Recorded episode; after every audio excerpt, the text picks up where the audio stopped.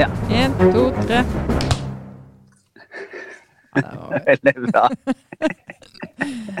Nei, men Da drar vi i gang med denne ukens Aftenpodden. Eh, Det er veldig bra. Her sitter jeg, Lars Glomnes, i eh, Italia, men i studio i Oslo. Trine Eilertsen, hallo, hallo. Hallo, hallo. Åssen går det med deg, Sara Sørheim, som også er på plass? Nei, nå går det bra. Nå er jeg jo her. ja. Bare for å tegne et lite bilde. Vi skal inn i, i norsk politikk og, det som har skjedd i samfunnsdebatten siste uka. Men eh, bare for at dere skal føle nok omsorg for meg, så kan dere vite at nå sitter jeg i Altså, det er så varmt. Jeg er som en sånn hund som, eh, som de sier at du må eh, Som sitter i en bil som du må trekke ned ruta litt for, men det har ikke jeg gjort fordi at lyden skal være ålreit.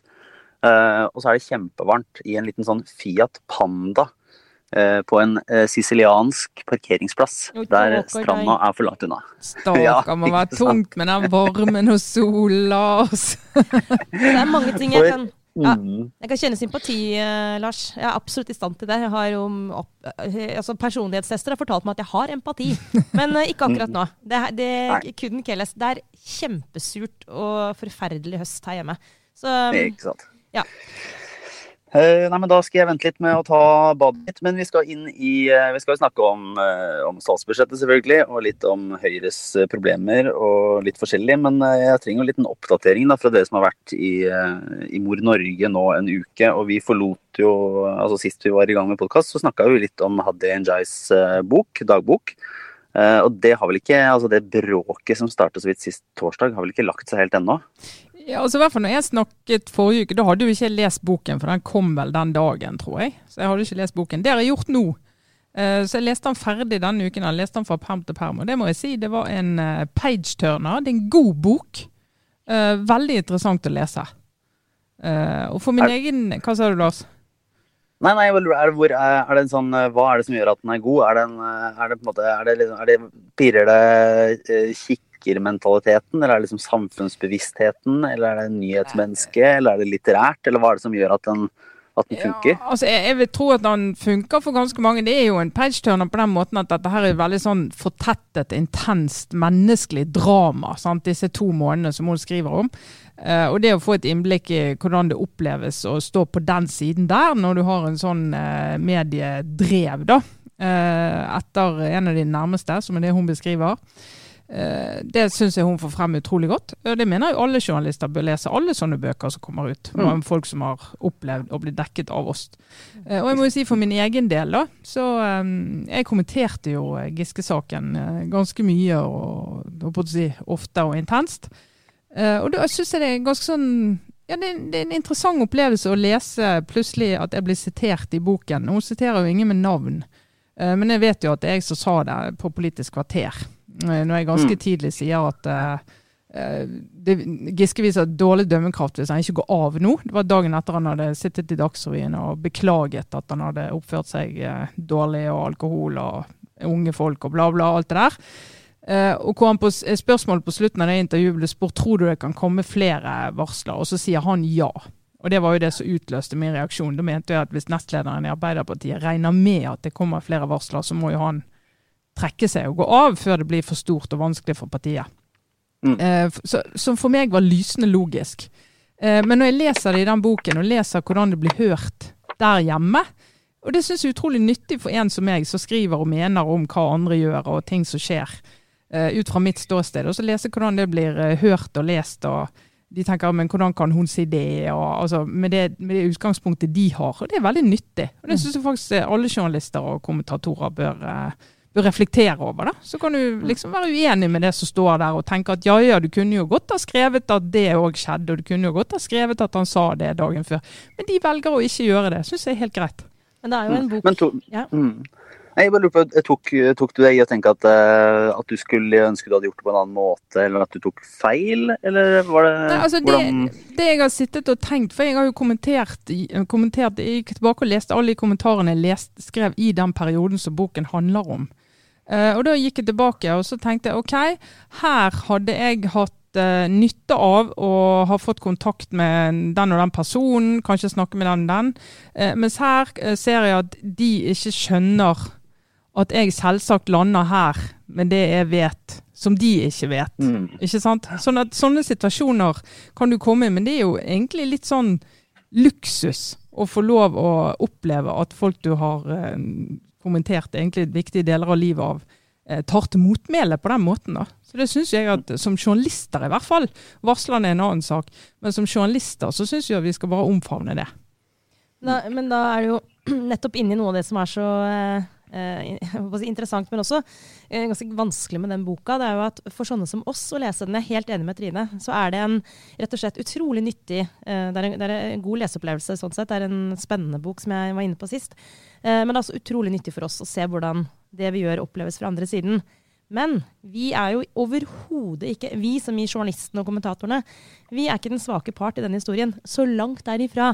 Kanskje er vi representanter for liksom, den sterkeste parten. Den delen av denne historien som i gåseøynene har alt å vinne på en sånn skandale.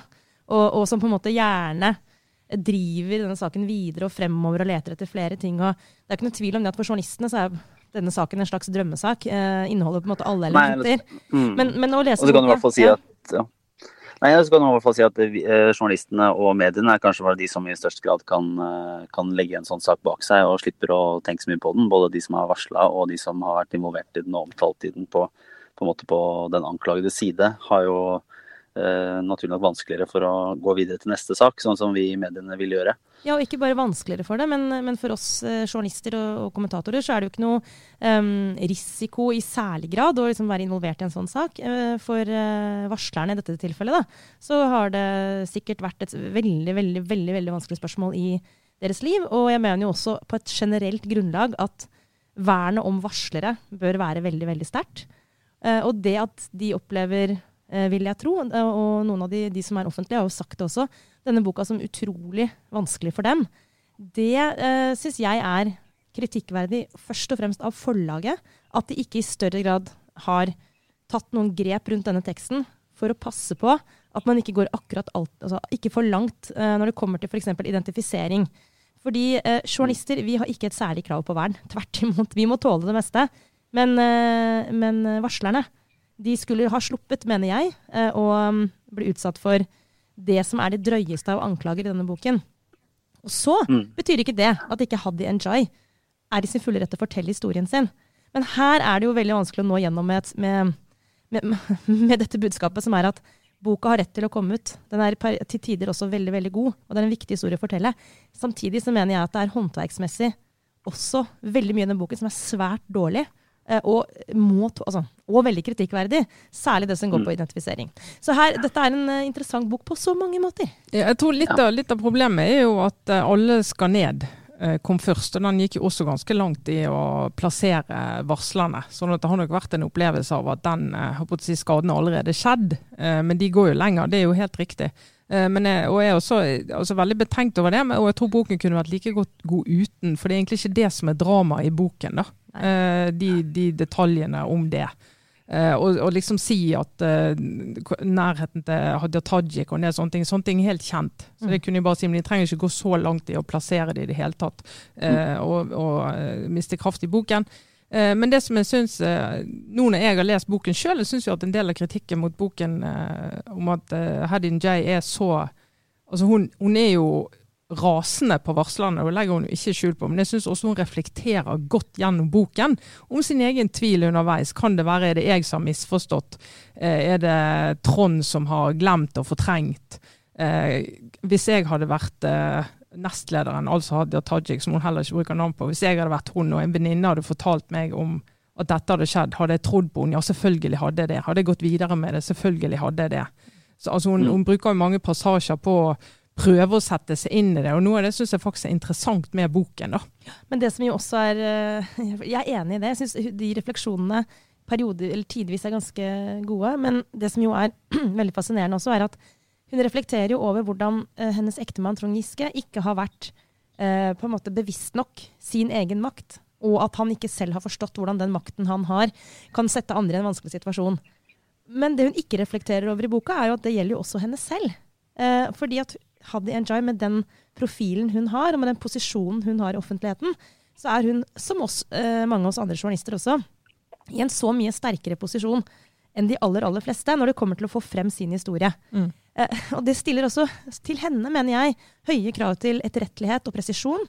Eh, og, og der er det jo påfallende f.eks. at mens hun tillegger Trond Giske de beste intensjoner hele tiden, så er det jo motsatt med de som står på den andre siden enn henne i denne saken. De mistenkeliggjøres, eh, mens eh, hennes mann skal vi på en måte legge godviljen til for. Dypt, dypt menneskelig, men samtidig også noe som svekker bokas kvalitet, fordi den slagsiden er eh, Spenner litt bein på hennes egen hva skal jeg si, hennes egen på en måte rett til å stå der og Ja, men jeg forteller bare min historie. Men, men, du gjør jo det, men du gjør det med briller på, og det Men det skjønner ja. jo alle. Det skjønner, så En mer tydeligere plassert forfatter er jo ikke mulig å tenke seg. sant? Nei. Og I og med at dette også er egentlig en fortelling om kjærlighetshistorien deres og sånn. Men sånn rent til substansen, det der med at eh, ja, Trond kan ha misforstått makten han har hatt og sånn, i den substansen mener jeg at den diskusjonen kunne vi hatt i 1999, men vi kan ikke ha den i 2019. Det der med at menn med makt må forstå at de ikke kan flørte og sjekke på jobb når de mm. har den type roller, og for folk de møter i jobbsammenheng f.eks., det mener jeg det kan vi ikke diskutere. Det, det er ferdig diskutert, det går ikke an. Så mm. der mener jeg hun bare tar feil. Mm. Men helt kjapt til slutt, da, eh, så har ikke jeg heller da fått med meg og sett eh, dette Lindmo-intervjuet. Bare helt, helt, kort, var det si, innafor eller utafor? Jeg syns ikke det var innafor. Eh, jeg syns det intervjuet ble skjemmet av at det ble for lite problematisering rundt Hadia Njais eget ståsted. Og så syns jeg rett og slett ikke at denne saken egner seg i den typen program. Jeg syns det var helt supert at hun deltok i uh, Ukeslutt, var det vel, uh, på NRK Radio dagen etter, mm. uh, i debatt med Sunniva Andreassen. Helt riktig arena for en sånn type diskusjon. Men det hadde vært noe annet hvis hun satt i studio og fortalte om en personlig eller privat ting som på en måte bare hun eide. En opplevelse som kan ha vært dramatisk for henne, men som ikke involverer tredjepart. Men det, men det at hun uh, fikk sitte der og, og legge fram sin virkelighetsforståelse så lenge i, på, på, den plattformen uh, hos sin egen arbeidsgiver med en kollega som intervjuer, jeg mener at det var uh, feilvurdering av NRK. Og jeg syns det er faktisk helt oppriktig veldig rart at de ikke har sett det i ettertid. Det hadde gått an å, altså, gå an å gjøre feil, men uh, der er vi tydeligvis uenige, jeg og NRK. Mm. Men der er det jo litt sånn, det er jo litt sånn klassisk eh, En kan se noen ganger og merker det tydeligvis man har vært nyhetsjournalist i en sak. og det, det, skal vi være forsiktige med, for det kan jo ramme oss også, egentlig. Men det liksom, noen ganger virker det som at eh, en del eh, rene underholdningsprogrammer og sånne, sånne kommentaravdelinger eller debattarenaer ikke helt skjønner liksom sprengkraften i noen saker. Mm. Og så blir det litt sånn Nei, men vi må jo la alle få lov til å snakke. Og så bare tar det ikke inn over seg hvor ekstremt polarisert noen sånne debatter er, og hvor eh, vanvittig høy temperatur og hvor belastende det kan være. Eh, og det kan, jo, det kan jo framstå som dette er et lite eksempel på det, da. Ja, det tror jeg faktisk du kan ha rett i. Mm. Men eh, vi fortsetter inn i det som vel må sies å ha hatt mer effekt på norske, på norske samfunnet enn en akkurat denne debatten. Eh, fordi statsbudsjettet er eh, lagt fram for 2020. Oh, ja, og den lille tingen der, vet du. Ja. Og nå er, det jo, nå er det faktisk ikke anledning, som ved tidligere år, til å høre den klassiske 'et godt statsbudsjett har blitt enda bedre', som jo har vært den klisjeen som har avslutta de gjestene vi har hatt siden, siden 2013. Eh, da det har vært sånn eh, runder i Stortinget med eh, lange konflikter med, med KrF og Venstre, og så, så KrF. For nå sitter jo alle på innsiden av regjeringen og står stolte og kry bak det som er lagt fram. Er det sånn å forstå? Ja, det er jo egentlig sånn å forstå. Statsbudsjettet skal jo innom noen komiteer og få noen merknader. så Noen få små endringer blir det sikkert, men ikke mye å snakke om. For det, er jo, det er jo den store forskjellen. Det er flertall. Eh, de har, husker jo KrF og Venstre de første fire årene, så var jo de veldig eh, innstilt på når vi ikke er i regjering, så vil vi heller ikke være med i diskusjonene og avveiningene før budsjettet. For vi vil ikke ta ansvar på statsbudsjettdagen. Da vil vi ha frihet til å rase og være i sjokk og i vantro. Som jo er en veldig viktig følelse å ha på statsbudsjettdagen. Ordet svik må brukes. I hvert fall en gang i kvarteret. Ja, og Den friheten hadde de jo, men den uh, friheten ga de jo fra seg da når de gikk inn i regjering, og da er medansvarlig for budsjettet. Så det blir opposisjonen som uh, tar seg av det. og da var det snakket med et par eh, regjeringspartiene kveld før budsjettet kom, så jeg spurte ja, hva kommer dere til å få mest kjeft for. Nei, Vi kommer til å få mest kjeft for eh, klima, eh, at, det blir dyr, at vi ikke kutter støtten til barn med briller og tannregulering. Det er så, det er, Og, og, og sånn ble det. Men det er sånn, la oss ta de barna med briller og tannregulering. Det syns vi Som om, er greit. som om de ikke har det ille nok fra før. Det var, ja, som mangla, var at det ikke var eh, sånn straffetoll på rødt hår. Det hadde liksom vært eh. Ja, da. teknologien. Nei, Så det var litt sånn eh, forutsigbart. Og det er, altså jeg merker, jeg må si, eh, det er kanskje jeg som begynner å bli litt sånn eh, livstrett, men jeg, jeg kjenner jo på en viss tretthet over eh, disse rituelle ja, selvfølgelig, altså Det er ikke det at ikke opposisjonen mener det og alt det der, eh, men eh, det blir, jo, det blir jo mye av det samme, da. Jeg kan jo røpe at den, hvert ja, mm. den trøttheten var også litt til stede i, eh, blant de som skulle følge opp budsjettet og finne nyhetssakene. Ja. Eh, Jeg kan jo røpe fra det indre livet i Norsk Telegrambyrå at det var en liten sånn, litt sånn flakkende blikk eh, hos enkelte sånn, etter den første timen hvor liksom nøkkeltallet og alt var ute. Eller de kom jo enda tidligere, men liksom hovedtrekkene var ute. Så var det litt sånn Men hva nå? Eh, fordi de helt obligatoriske eh, reaksjonene fra opposisjonen, f.eks. Trygve Slagsvold Vedum som raste mot sentralisering. Ja, det der er glemt. Ja. Ja, Men han hadde jo faktisk en sak å rase med og mot, så det var jo for så vidt greit. Men sånn som Jonas Gahr Støre forsvant jo egentlig ut av nyhetsbildet veldig tidlig eh, mandagen. Det er jo helt krise når du er opposisjonsleder, men det var bare det at det var liksom så lite å ta dem på i dette budsjettet. Så hans Ikke, eh, ikke kuttet i skattene, og ikke Nei. brukte de mer oljepenger, som jo er en sånn hovedkritikk som er veldig lett å forstå og lett å ta. Men det er klart, altså, du må jo lese, må jo lese budsjettet, ikke, ikke hele kanskje, men eh, deler av budsjettet der de forklarer hvordan de tenker. Og det fins jo nyheter der, det fins jo ting der. Og det regner jo med at opposisjonen nå, når de skal begynne å lage alternative budsjetter og sånn, så går de inn og finner ting som er kanskje mye større enn det vi la merke til på mandag. Mm, og det er faktisk noe en rådgiver i, um, rådgiver i et av opposisjonspartiene var, snakket vi med unnskyld, før valget, og han sa jo at de får jo heller ikke tilgang De får vel budsjettet en time før det offentliggjøres. Ja, så det er jo egentlig helt håpløst. Ja, så De er nødt til også på en måte gripe litt til i rituelle reaksjonene. fordi han sa at eh, det er ofte kan gå flere dager før vi oppdager ting. Ja. Problemet er at da er journalistene liksom ferdig med det. Ja. Så hans, eh, hans tips var liksom at eh, gi oss noen timer, da, fordi vi leser det jo. Mm. Men, men det er liksom veldig vanskelig å, å se forbi pressemeldingene til regjeringen den, den første dagen. For de er jo bare selvfølgelig glansbildene. Det er, hvert fall, ganske sånn, eh, det er mye forutsigbart. si, Når du sitter litt, litt unna og skal høre på, så, så kan den krysse av en del i den der bingoen på, på, på, ja, på klima og fordeling og rammer de svakeste og, og allting. Og det er ikke så lett å skille kritikken mot dette budsjettet fra, fra det i fjor. litt sånn Selv om det kan, kan være endringer. Jeg syns for øvrig det var litt interessant å se Eh, så den SSB-forskningsrapporten som vel kom i dag, torsdag, som eh, i hvert fall ble omtalt i dag om, Som du har eh, lest på ferie, Lars? Det må jeg si. det, som jeg har fått med meg på, på en måte omfordelende effekten av skatteendringene som er gjort i, eh, under Solberg kontra uh, Stoltenberg-regjeringene og de rød-grønne, Uh, som jo peker på det som, som er ankepunktet fra rød-grønn side, om nemlig at, at den har mindre omfordelende effekt av skattegreppa som er tatt uh, de siste årene, enn før. Og sånn sett så, Som på en måte gir en, et grunnlag for å si det med at forskjellene øker i tillegg til andre Mm. parametere. Um, og det er jo en klar forskjell, og det er jo klart at det er jo den største forskjellen mellom en, en, en venstreside og en høyresideregjering.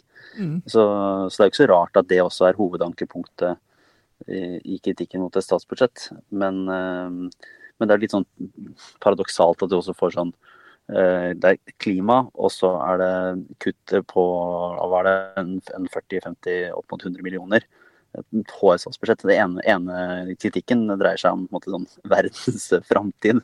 Og den neste er sånn eh, tilskudd til eh, barn med briller. Og, kosmetisk eh, tannregulering. Ja. Ja, det er jo det. Det er ikke engang de som har problemer med bitter. Men hvor i budsjettet Nei. skal man lete etter det, etter det, for å bruke opposisjonens ord, da, klimasviket? For det er virkelig en utfordring med hele klimasaken. Det er jo i det, der, altså, I det årlige budsjettet så er det jo vanskelig å fange opp den saken. Liksom, Det er jo ikke, det er ikke som at den ligger i liksom, Miljødepartementet. Eh, hvor skal man lete, Trine? Fordi det er liksom ikke, det er ikke noe sted det står sånn Å, her er femårsplanen vår for å redde klimaet. Nei, men altså, Det står jo hva som er målet i 2030, og det står hvor mye de tror de greier å ta til neste år. Eh, og du skal ikke være veldig god regner for å se at det går ikke opp. Mm. Men så er det jo, uh, som Kjetil Alstein skrev i DN, at uh, men de kommer til å nå det målet, fordi at vi er en del av EUs klimaavtale. Sånn at liksom å bare se enøyd på norske tiltak i det statsbudsjettet, det, det, blir feil. Men samtidig, de ligger jo langt bak. Men så er det jo disse her altså, kumulert på alle tiltakene utover. Så skal vi i hvert fall komme lenger enn de verste katastrofescenarioene, da, gir inntrykk av.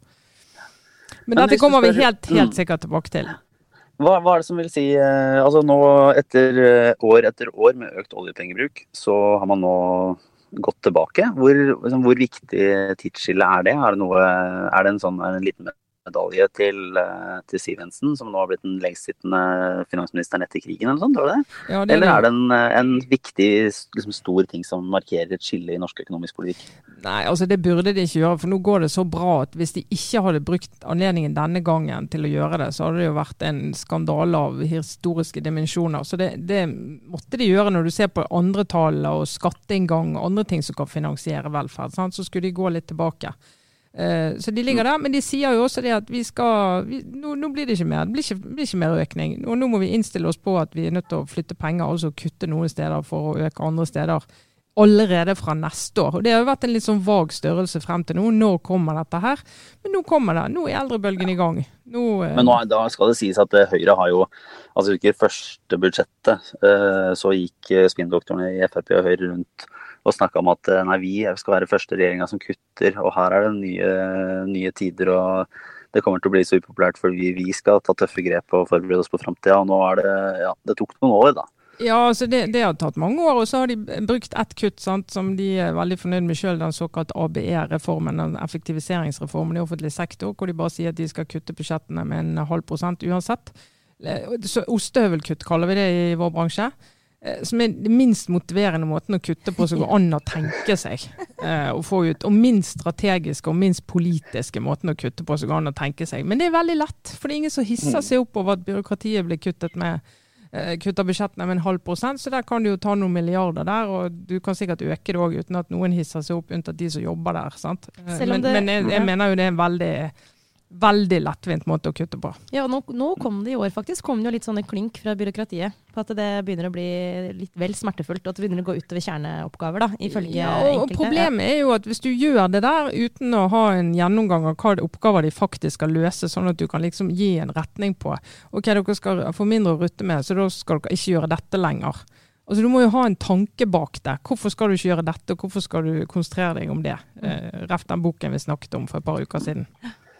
Men eh, Trine, er det sånn at eh, Erna Solberg kan løpe smilende ut? Hun har ikke, eh, sånn på litt sånn avstand igjen, da, så ser det ikke ut som det er det budsjettet som verken kommer til å gi mest konflikter med de andre borgerlige og samarbeidspartiene, eller en sånn brutal fløy av, av kritikk fra, fra, opposisjonen som på en måte tyder på at de kommer til å sitte i myra sånn budsjettmessig. Men er det noe Erna Solberg kan ta med seg og gå ut i høsten og juble for, eller kommer det til å se, se like trått ut som det har gjort det siste for henne? Nei, altså alle, alle, lyspunktene fra budsjettet ble jo tatt ut i valgkampen, og de har fått glemt for lenge siden. Og da valgdagen kom, så fikk ikke de så veldig mye kred for de. Så de er på en måte brukt opp. Eh, så hvis eh, Høyre og Erna Solberg skal få noe positivt ut av dette, så må det være å vise tydeligere frem hva som er Høyres prosjekt. Og dette er jo en bekymring i Høyre nå, som faller på målingene, fortsetter å falle etter valget. Eh, ingen tegn på at de skal hentes inn igjen, og at eh, liksom statsministerverdigheten til Erna plukker de opp igjen. Eh, så nå har de begynt å få en politisk diskusjon i Høyre. Sant, som sier, altså Vi snakket jo om den rød-grønne regjeringen og Frp sin frykt for å ramle i SV-fella. I Høyre er det jo en frykt eh, for å ramle i den eh, slitasjefella, Ap-fella. Den så de, de to år før den regjeringen gikk av, så var det jo helt tomt for ideer. Var, alle gikk kun i forsvar for å forklare hvorfor de hadde satt i gang alt de hadde satt i gang, og overbevise oss om hvor bra det gikk med det. Og Det er ikke så rart at det blir sånn, men det finnes nesten ikke politikkutvikling i en regjering som har sittet i seks år, eller statsminister som har sittet i seks år. Den bekymringen finnes jo i Høyre, så nå er det litt sånn OK, nå skal vi utvikle program. Eh, nå er vi nødt til å gå inn i de vanskelige sakene, og som Henrik Asheim sier, så skal være med og lede det programarbeidet. Eh, på klima f.eks., så har egentlig vår politikk bare preg av at vi bare venter på at Venstre og Frp skal, skal finne et sted i midten, og så blir det på en mm. måte regjeringens, og dermed vår politikk. Mm. Men det er jo ikke noe å gå ut til velgerne med. Sant? Det er ikke noe å vise Høyre i kanskje en av de viktigste sakene i vår tid. Så det, det, det er ganske sånn, og Når unge Høyre begynner å snakke om eh, vern av, eh, områder mot uh, oljeleting og også sentrale høyrefolk, også Henrik Asheim, sier at dette må vi diskutere, så er det et virkelig skift i Høyre da, som har kommet på i løpet av siste året. Er ikke det en veldig ja. parallell situasjon til Arbeiderpartiet, egentlig? Altså Arbeiderpartiet, hvis de skal, Det er jo helt hypotetisk, men hvis de skal danne et flertall med eh, både Miljøpartiet og Senterpartiet, så må jo de finne et minste felles multiplum, eller en slags mellomting hvor de skal balansere ut de to. Akkurat som du var inne på med Høyre, med, med Venstre og Frp. Eh, og selv er i beste fall litt utydelige på sin egen miljøpolitikk. Det er, to, det er, jo veldig parallelt. Ja, det er parallelt. Og det er jo litt sånn, hvis du tar de store sakene, det er en av de sakene som velgerne var mest opptatt av i forrige valg, innvandring. Der er jo Venstre og Frp motpoler, eller Frp og opposisjonspartier motpoler. Men hvor er Høyre i det? Klima er en annen mm. viktig sak som har kommet frem som en kule i dette valget her. Der er, har du motpolene rundt Høyre, men hen er Høyre i det? Og det går jo ikke for de store partiene å bare si altså Heidi Nordby Lunde sa det, det ikke, du kan ikke gå til velgerne og si at du skal stemme på Høyre fordi vi er limet i regjeringen. Mm. Altså mm. Det er ikke noen valgkampsak. Du må, du, må, utvikle politikk, utvikle ny politikk, og du må tørre å gjøre det, gjøre det uten å hele tiden skjele til hva er taktisk, eh, hvordan kan vi ligge i midten. Altså Du må tørre å snakke om rene høyrestandpunkter, selv om du sitter i regjering. og det er det, det haster jo litt, det nå, altså. Men Utrolig spennende å se hvordan Jeg mener jo særlig, eller håper, for jeg sier det rett ut, særlig at miljøsaken vil få Altså at vi vil få liksom en, en, mye bedre debatt rundt miljøspørsmålet, og at de to største partiene vil liksom ta et skritt frem og bli førende i den debatten. Mm. I stedet for å henge etter sånn slapt og la seg liksom dytte fra side til side. Det hadde vært utrolig kult med en klimadebatt dominert av Høyre og Arbeiderpartiet for en gangs skyld. Liksom, men det ville jo kreve at de måtte hatt en politikk i utgangspunktet. Så de må begynne med å lage mm. den. Men det blir viktig fram mot 2021. Men så er det jo et annet problem hvor du ser denne slitasjen på, på Høyre og regjeringen nå, da. Eh, altså nå hadde vi, Bare i forrige uke vi snakket om det her klima, nei, kraftskatt. Eh, og så kom de med det der domstolsutvalget, sant? Altså hvor utvalget foreslår å kutte i antall tingretter rundt i landet. Og begge disse her kommer liksom plutselig bare dumper de ned i offentligheten, uten at noen har snakket mm. om det på forhånd, uten at noen har prøvd å fortelle oss at uh, her er et problem, uh, om en stund så kommer vår løsning på det problemet. Altså helt upolitisk håndtering av disse utvalgene. Så selvfølgelig gjør at når de kommer, så blir de slukt og tatt opp av Senterpartiet, alle sammen med en gang, og drept på i løpet av tre timer. Uh, og det er sånn sånn som Domstolsutvalget, der det er mange Det er veldig interessant å lese det. Samme med kraftskatteutvalget. Det bare forsvinner, fordi at de har ingen som politisk kan gå inn og si at ja, det er mulig dette ikke er rett løsning, men problemet er i hvert fall dette. Det er interessant. Og det må de jo gjøre før utvalget kommer. Så de, de, de har liksom ikke overskudd til engang å jobbe med det de sjøl har satt i gang. Det er liksom vondt å se på. Eh, så nei, altså, kom igjen. Det går litt trått, ja. Ja. Nei, men uh, vi fortsetter vel inn i litt uh, obligatorisk refleksjon. Uh, og da kan vel du begynne, Sara. Som, har, som, en, måte, som en tidligere kulturredaktør, så er det vel en stor kulturuke.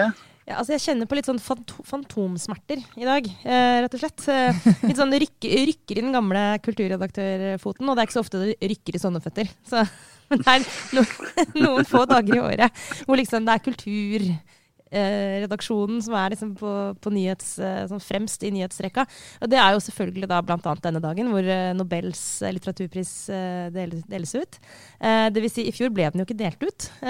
trenger vel ikke minne våre lesere, holdt jeg på å si, lyttere, på at det var litt bråk i Svenske Akademien i fjor, i kjølvannet av metoo.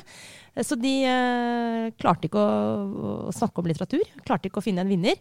Så i år så har de da kåret to Uh, og, Men, og, og ja. da, da, har det vel også, da er det typisk sånn eh, Ja, OK, i fjor var på en måte eh, oppgjøret mot Eller forsøk på oppgjøret mot uh, mannsdominansen og trakasserende menn og allting.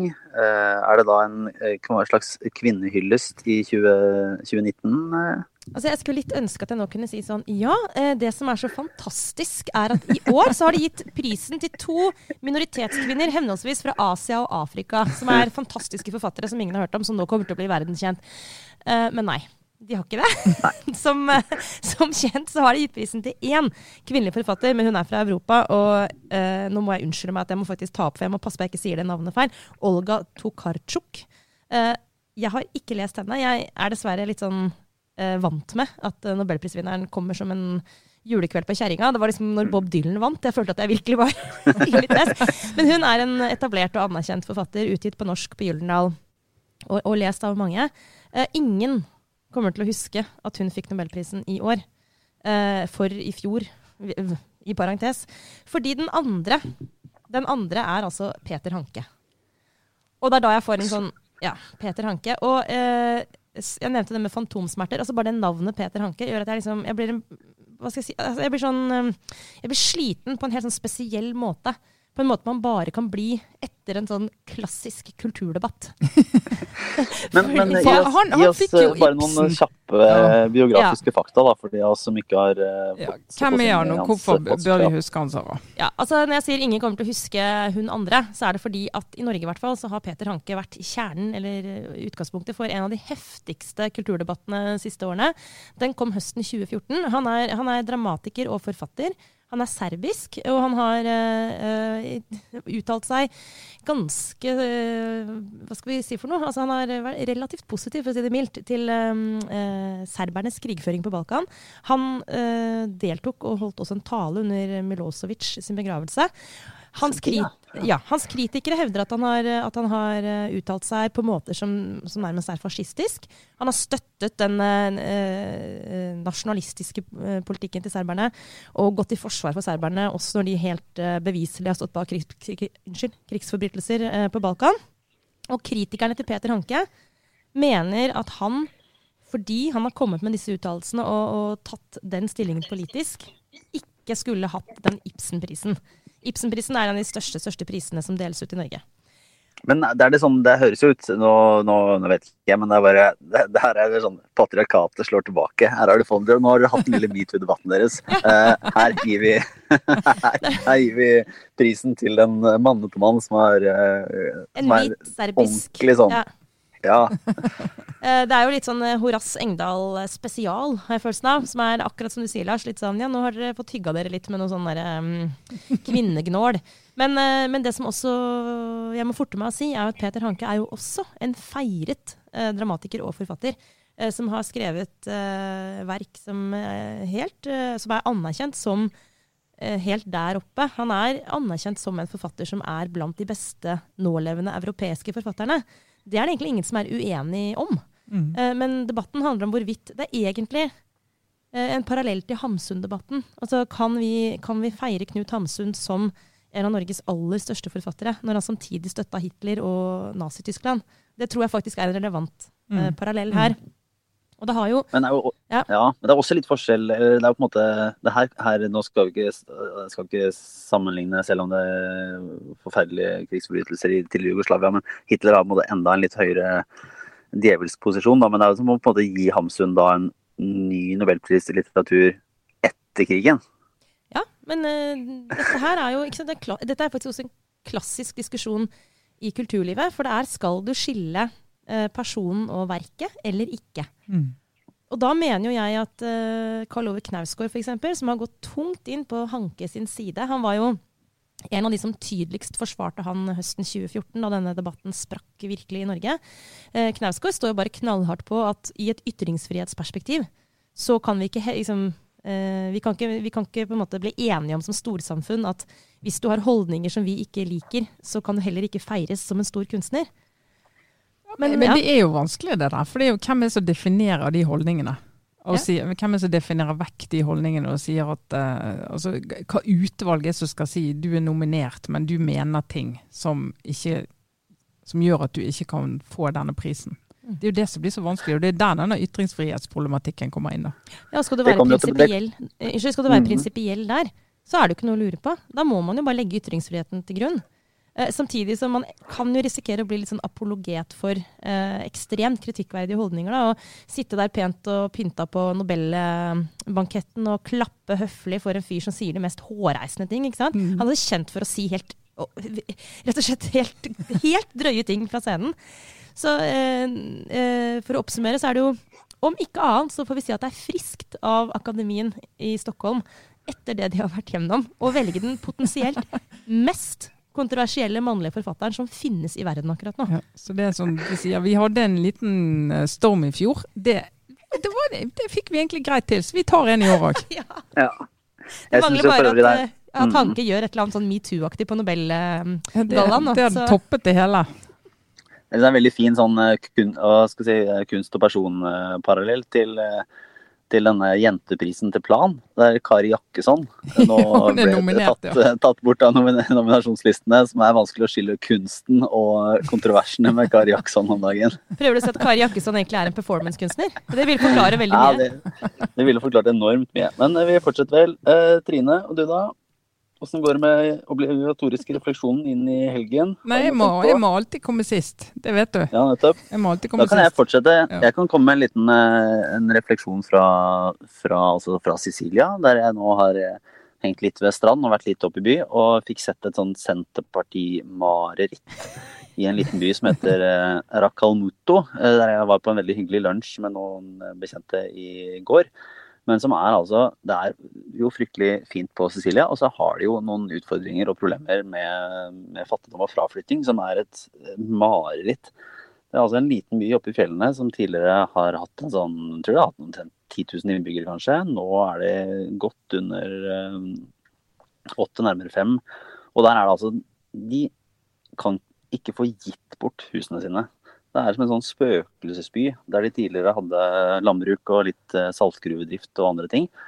Som nå er altså Det er så vrient, fordi nå er det bare pensjonister igjen, og alle de unge flytter.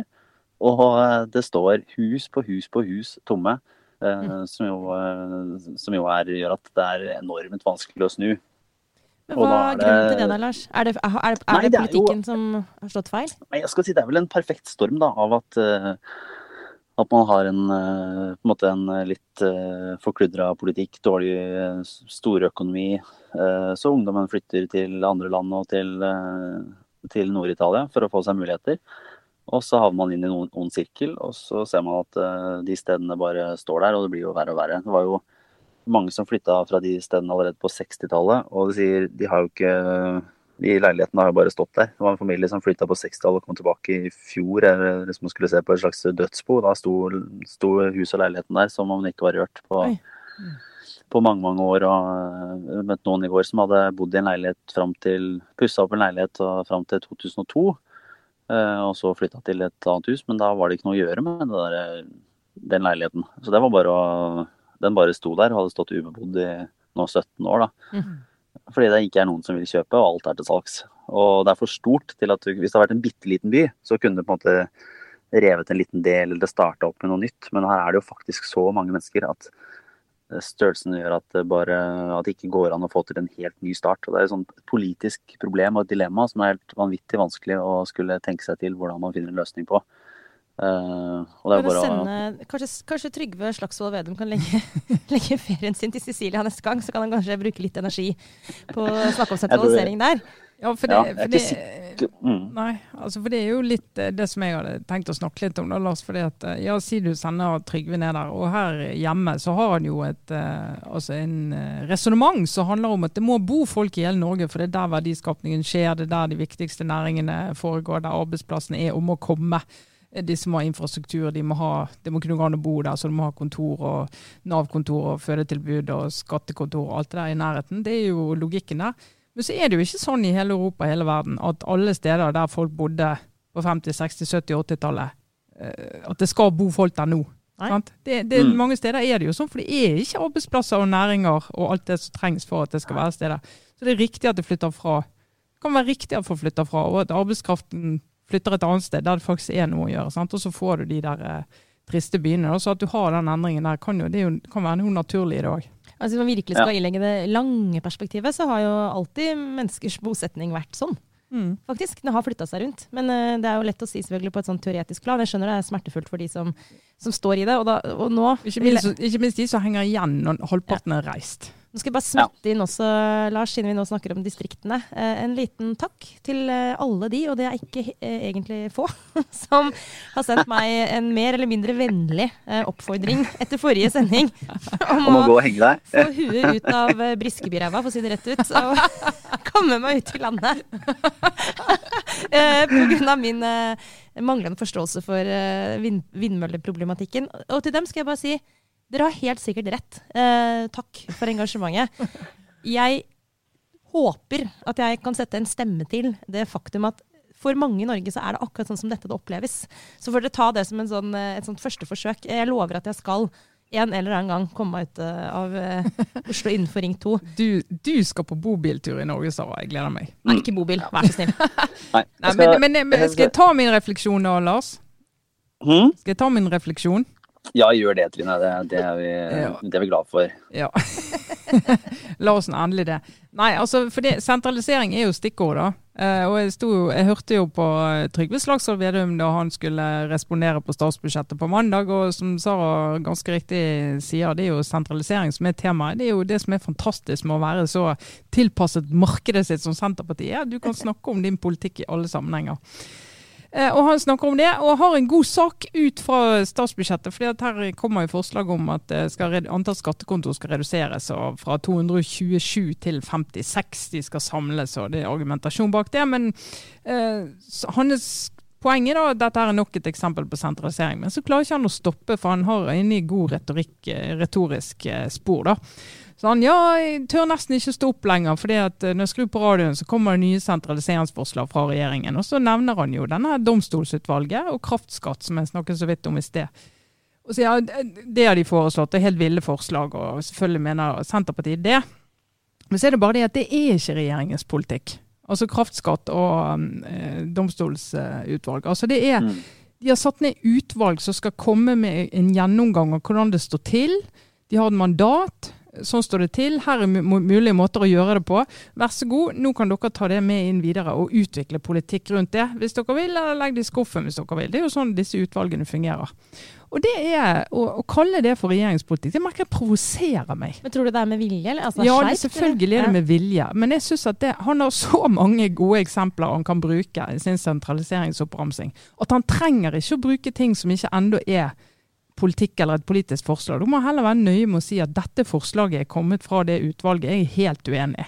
Men du må ikke liksom klistre det på regjeringen som en ny sånn, for det er ikke redelig. da. Det er ikke redelig. Og det de kan gjøre, og det merker jeg bl.a. pga. det jeg sa i sted, sånn som Høyre så liksom, de, de, de kommer det domstolsutvalget og så blir det litt sånn Nei, det her orker ikke vi å ta i. sant? Det blir sannsynligvis ingenting av. Og så har du et fagutvalg som har sittet og jobbet med dette her. Og det har jo skjedd flere ganger. Sånne utredninger bare forsvinner, blir ikke brukt til noen ting. Det er masse kunnskap inne der som er interessant. Men, det er jo litt Men da, det vel, da, er det vel litt sånn at, eh, at uh, Høyre må uh, skjerpe seg litt òg, da. Hvis de mener at Eller og Arbeiderpartiet for den saks skyld.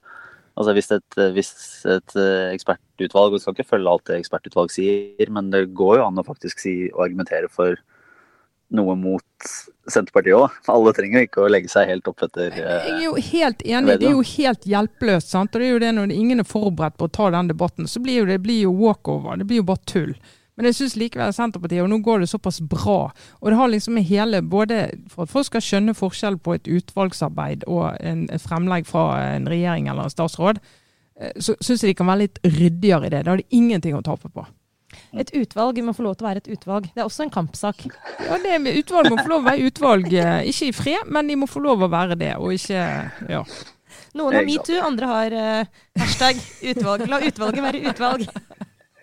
Ja, nei, men eh, jeg tror vi tar og runder av der, for nå holder jeg på å Hvor mange grader estimerer du? Hvor mange grader estimerer du? Er du bikket 45?